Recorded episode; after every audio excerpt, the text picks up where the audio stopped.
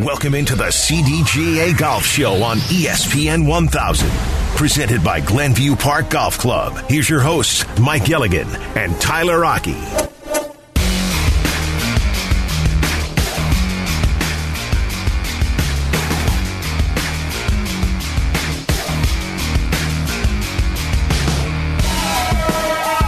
Welcome into the CDGA Golf Show presented by Glenview Park Golf Club. Tyler Rocky and Mike Gilligan. We talk golf with you every single Saturday throughout the golf season, 8 to 10 a.m. right here on ESPN 1000. If you missed anything, check it out on the podcast, the CDGA Golf Show, wherever you get your podcast. This segment is brought to you by Tour Edge. Let's head on out to the Jersey Mike's hotline.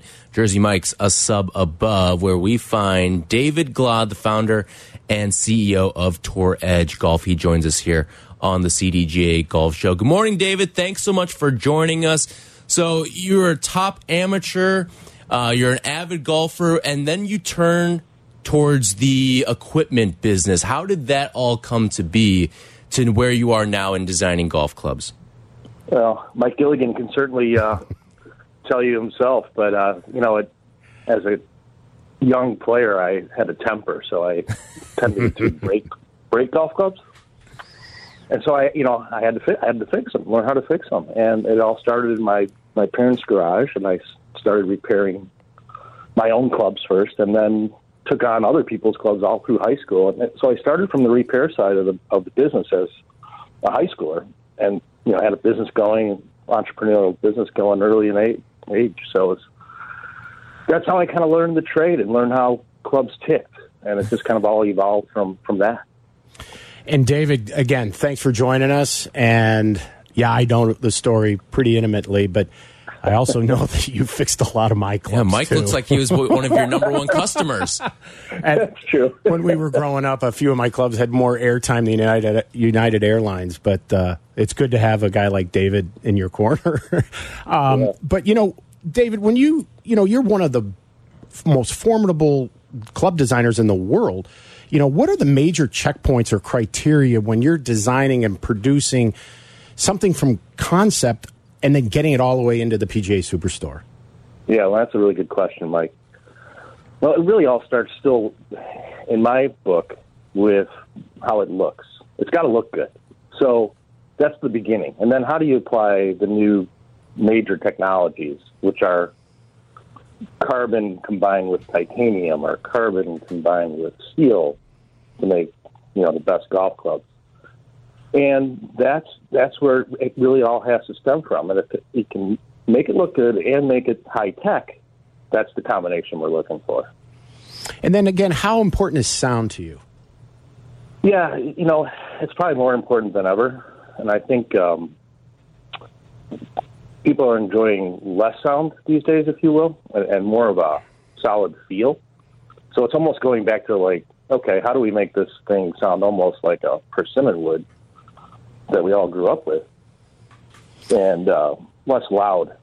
And so that's that's always tough when you're making these huge heads that are 460 cc's and combining carbon and titanium and so that's that's kind of the battle so and that's it's been a lot of fun and and that's why clubs evolve so much every year. And it's like oh how could it be better? Well you know because everything's changing right? The courses are changing the ball's changing the club's got to change with it all. So that all evolves together. David Glod, the founder and CEO of Tour Edge, joins us here on the Jersey Mike's hotline. So, David, when, when you are going in the process of, of creating and, and making clubs, what's that like in terms of your vision versus, all right, we want to kind of crowdsource and see what people like? Do they like the, the grips on this? Do they like the the design of this club? Do they like how it feels? Uh, What's that process between your creative vision versus also what consumers will like as well? I think with Tour Edge in the past, with exotics, we were geared up too much for good players. So we couldn't get past a certain sales level. But now we try to design exotics for all players. So there's two different styles, if you will. Our C version, which is for competition, meaning those are the better players. and our E version, which is more extreme technology, or what we call easy, E for easy. So that's for the seniors and women and slower swing speeds. So those are two different, completely different styles of design. And uh, we've had a lot of fun, and that's really worked for us well. And most manufacturers are doing exactly that. You have to have clubs geared for different swing speeds, and that's what it's all about. You know, David, over the past couple of years, you know, you've had a chance to develop, well, a friendship, and you really got to know Bernhard Langer. And so, my question is, how much would it really mean to you, both personally and professionally, to see Bernhard get win number 46? That would put him as the most wins of any senior tour player in history, eclipsing Hale Irwin at 45. Yeah, uh, know, he's the best. I mean, he's the true champion, and he will get there. I don't think he'll quit until he does. And he will be the happiest guy you've ever you've ever seen. He, really takes it seriously. So that really, you know, that just exudes a special, you know, puts you in a special place if you can actually be around him around that time. So I'm looking forward to that day. And, and even the last one where he tied, that was a big deal for him and, and us. Oh yeah, and uh, yeah, you know, the guy is amazing. I mean, he's he's a true athlete, even at 64 years old. I mean, it's unbelievable. And for you, it had to be a ball to design an iron in conjunction with Bernhard. What what did you learn from that whole process? As from what I understand, this guy is like the Ted Williams of baseball in golf. I mean, this guy can tell when something's off. Can you share a little bit about that? Yeah, Bernhard can he can tell a difference in a, a lie so the, the lie angle of a golf club, one half degree. I mean, the guy is kind of like Tiger esque in that regard. He's extremely particular. Every little shape and sole edge and things like that are very, um, yeah, he's really into it. And and it's you know it's an apparent in the way he hits the golf ball. I've been around all these guys on the Champions Tour, you know, for four years now, and they're all incredible players. But he just his ball striking, you'd be out there for three hours with him. He might hit two shots that are a little bit squirrely, and then the entire time. I mean, it's kind of crazy. So he knows what he's doing, and he's particular. And and you know, he came up came up with a set. You know, it took us three years. that he he finally likes some of the clubs in the set. It's not perfect. so, so it's been it's been uh, you know an amazing challenge. So so we see your commercials all the time on uh, Golf Channel, and they they really make me laugh because it's the one golf commercial where to me the guys are having a ball. It looks like making the commercial, and from what I gather, they they fly in here, and you guys film that in Glen Ellyn. Is that right? Yeah, we sure do. Yeah, they're they're all you know they're really behind us and uh and they're wonderful people and and and they're they know they're lucky to be out there you know let's face it um you know everybody comes across ailments in their life and and these guys are the survivors and top 50 in the world at this age so so you've got seven guys on tour how do you go about selecting which members to join your professional staff you know, it's it's a little bit of selection, but it's a lot of who who comes to us too. And so, like for instance, Scott McCarron was one of our first guys, and and he won the Schwab Cup with our stuff. And uh, he he kind of got Bernhard for us. He's like, oh, you know, you should take a look at these guys. It, it's just kind of word of mouth and um, who's open, you know, who's available. Um, so there's there's a lot of guys sewn up with other contracts. But, and then, um, oh, go ahead. Yeah, it's been a fun, you know, it's been a fun gang, that's for sure. And walk the people through how long it literally takes to design a golf club. Because I think a lot of people think you're forging the metal out in Batavia. Mm-hmm. There is quite a process that goes in mind. So, how far out in advance do you have to begin work to get these things to, to eventually arrive at a PGA Superstore? Yeah, so you know it can be anywhere from a year, which is probably the shortest cycle, to two years. And so it's you know it's all CAD generated these days, and, and there's a lot of AI, the new term, right, involved in the computer actually helping us design the golf club to perform better. And we can actually see that uh, within the, the CAD software and how it all kind of works with our engineers. But it's an amazing task, but you know, okay, are we getting the spin? We can, you know, are we getting 3,300 in spin at 100 miles an hour or not? You know, it, it's very finite at the end of the day, and it takes some time to get there. So that being said, then is there a particular club or line that you are most proud of from a design perspective, and that represents some of your best work? Because every time I look at like the 521, to which the driver I play, yeah. it was awesome. And then you bring out the 522, and I'm looking at that, and now the 523, especially the irons, look absolutely amazing. So, is it the latest one, or is there one that you always go back? That was my best. Oh yeah, good question. Um, you know, there's some favorites in in the background, but certainly our technology on the, the latest is certainly my favorite and our best. It's a culmination of what we just keep learning. So, you know, it's better than the last one. Why? Well, you know, it's better suited for each player group than we've ever been, meaning our C and E, our competition guy, or our easy guy and uh, launch, our slower swing guy. So, uh, you know, we keep getting better at making the product better in classes, in, you know, in groups of players. And that's, that's the goal. You want to win the battle on the demo day, you know, or in stores, on the machines, which, you know, are people highly regard that as, as being fact. So, yeah, it, you know, it's the latest one for sure. David Glod, the founder and CEO of Tour Edge, with us here on the CDGA Golf Show. So, David, there's been this thing that's been announced that the USGA and the R&A want to roll back the golf ball in terms of the distance that it will uh, provide out there on the course. Is there something that club manufacturers are doing to maybe try to combat this a little bit? You know, I, I told Mike about my thoughts on this, and, and my first thought is it's never going to happen. but once we really can't do anything because we don't really know what the ball is going to be. So I'm sure we'll get plenty of advance notice on that. And let's, you know, I think it's only, you know, really rolling back about 10% or something. Well, let's see. That's four years down the road. So probably got two years to design. We might be able to pick up or cut that in half 5%, and then the players are going to keep getting stronger to yeah. combat it as well. It just, mm. to me, it's it's too late. If this was supposed to, be done, it, should have been done when Jack Nicklaus said it was supposed to be done 20 years ago. And I do agree with exactly that. But, uh, you know, speaking of the future, and we're seeing this surge in the industry.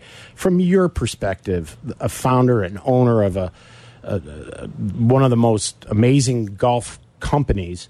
What, what what do you see the future to be like for golf, just in general, in the future? That's a really good question. I, I see. Um, I don't know about golf in general, but it, when it comes to clubs, you're going to see more and more lightweight products. Like think about the graphite shaft. When they first came out, they were about 100 grams now they're under 50. I can see them going all the way to 30 and really helping a, a large group of players, you know, that need speed. And I think that's the coolest thing about it. You know, with the head designs, we can make them more forgiving, and that's going to be, you know, it takes time, and, and but that, you know, think about more forgiving and lighter weight. It's going to be more fun for people to hit the ball over 200 yards that couldn't do it before. Those are the things that I enjoy. David Glod, founder and CEO of Tour Edge. Thanks so much for spending some time with us this, this morning. My pleasure. Great to be here. David, David thank Glod. you. David Glod on the it. Jersey Mike's hotline, Jersey Mike's a sub above. When we come back, we will go around the CDGA. That's all coming up next here on the CDGA Golf Show. This is the CDGA Golf Show, presented by Glenview Park Golf Club, ESPN 1100.3 HD2, and the ESPN Chicago app. From PGA to where you should play, this is the CDGA Golf Show with Mike Gilligan and Tyler Rocky, presented by Glenview Park Golf Club.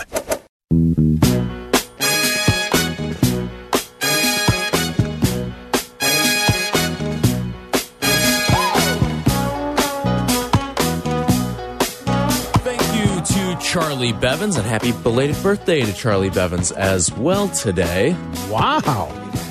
Happy birthday, Charlie. Thank you. Thank you for producing today's show here and uh, working a day past your birthday here on the CDGA Golf Show. This segment brought to you by Cog Hill Golf and Country Club, a pure golf experience. We are out of here in 10 minutes. That's when we will make way for White Sox Weekly with Jesse Rogers. And then at 11.30, it's White Sox and Tigers, Connor McKnight and Darrin Jackson on the call of the game three out in Detroit later on this morning. Um, Mike, you have a number of things that are going on around the CDGA, including a fantastic event that you guys had last week um, out at Ziegfeld Troy, raising money for the CDGA Foundation. And you put in your your hundred holes of golf last week as well. So the body's feeling all right and good enough to to go out and practice again today, huh? Yep, blisters have healed back up, and we're we're good to go. But a big thank you to all the listeners that donated because it meant a lot. We ended up having the third highest out of the 15 years of raising funds for the war veterans, individuals with disability, and, and youth. So this money is going to go to a great cause. It's going to put kids into colleges with scholarships. It's going to put youth on the course. It's going to help blind vets with their camps and clinics. And I got to also say, Tour Edge, David Glod was, he is one of the biggest philanthropic ambassadors we have. The the equipment that he donates for these causes, you know, often gets unmentioned, but they're just terrific partners with us. So a big thank you out to David and everybody that donated. It it, it was just a wonderful, wonderful day out at Ziegfeld Troy.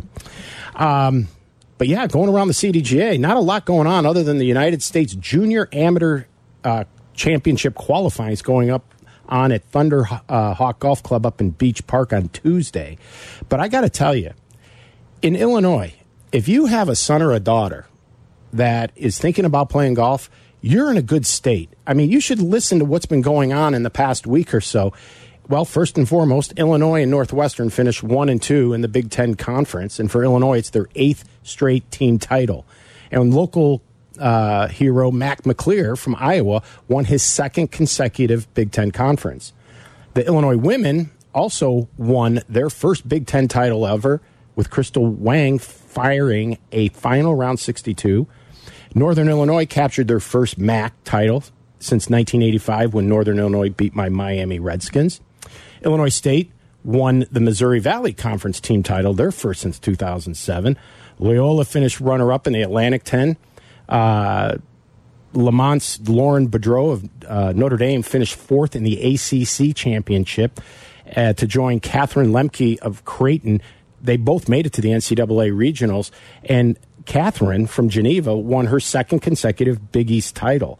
So even down to Division three, Illinois Wesleyan dominated the CCIW conference championship by winning their 11th consecutive title. So golf, collegiate golf is alive and well in Illinois. And the thing just, about that too, you bring up like the D three schools there, and, and, I don't have a roster in front of me. I don't know. I'm just guessing based on what I kind of know about other sports, and I'm assuming it's the same with golf.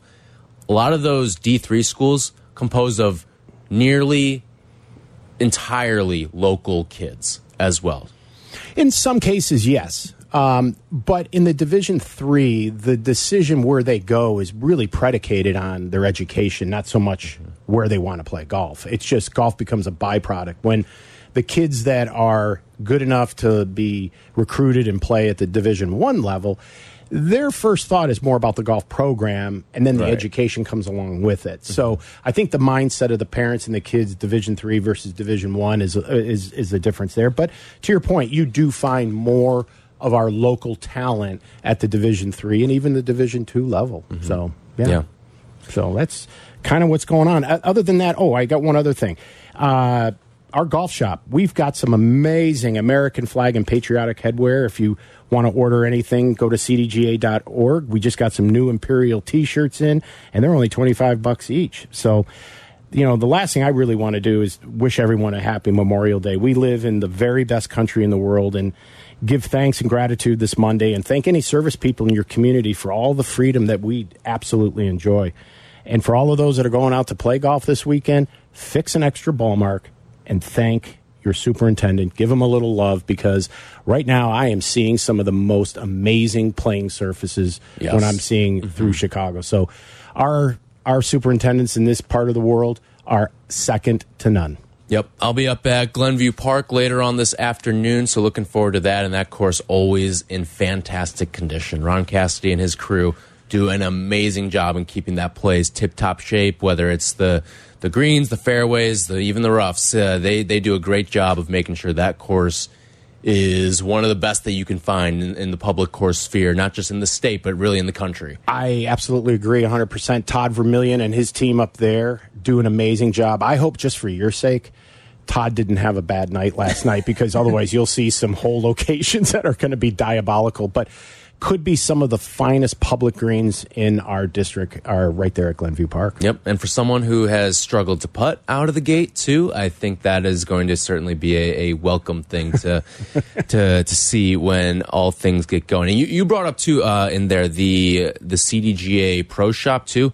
You know, Father's Day not too far That's right. away as well. I think three weeks from tomorrow. So you're gonna you're gonna want to be on top of that all that stuff for Dad uh, heading into this long weekend, and then of course once we get into June when Father's Day is right in the, the thick of things. Right and there. then Fourth of July is right thereafter. So Right. lots of good stuff going on in our store. Check it out, cdga.org. All right, that's going to do it for us today. This segment brought to you by Cog Hill Golf and Country Club, home of 42 practice bays with Toptracer technology. We'll be back next week, 8 to 10 a.m. right here on ESPN 1000. Coming up next, it's White Sox Weekly with Jesse Rogers, and then it's Sox and Tigers at 11:30. We'll talk to you guys next week.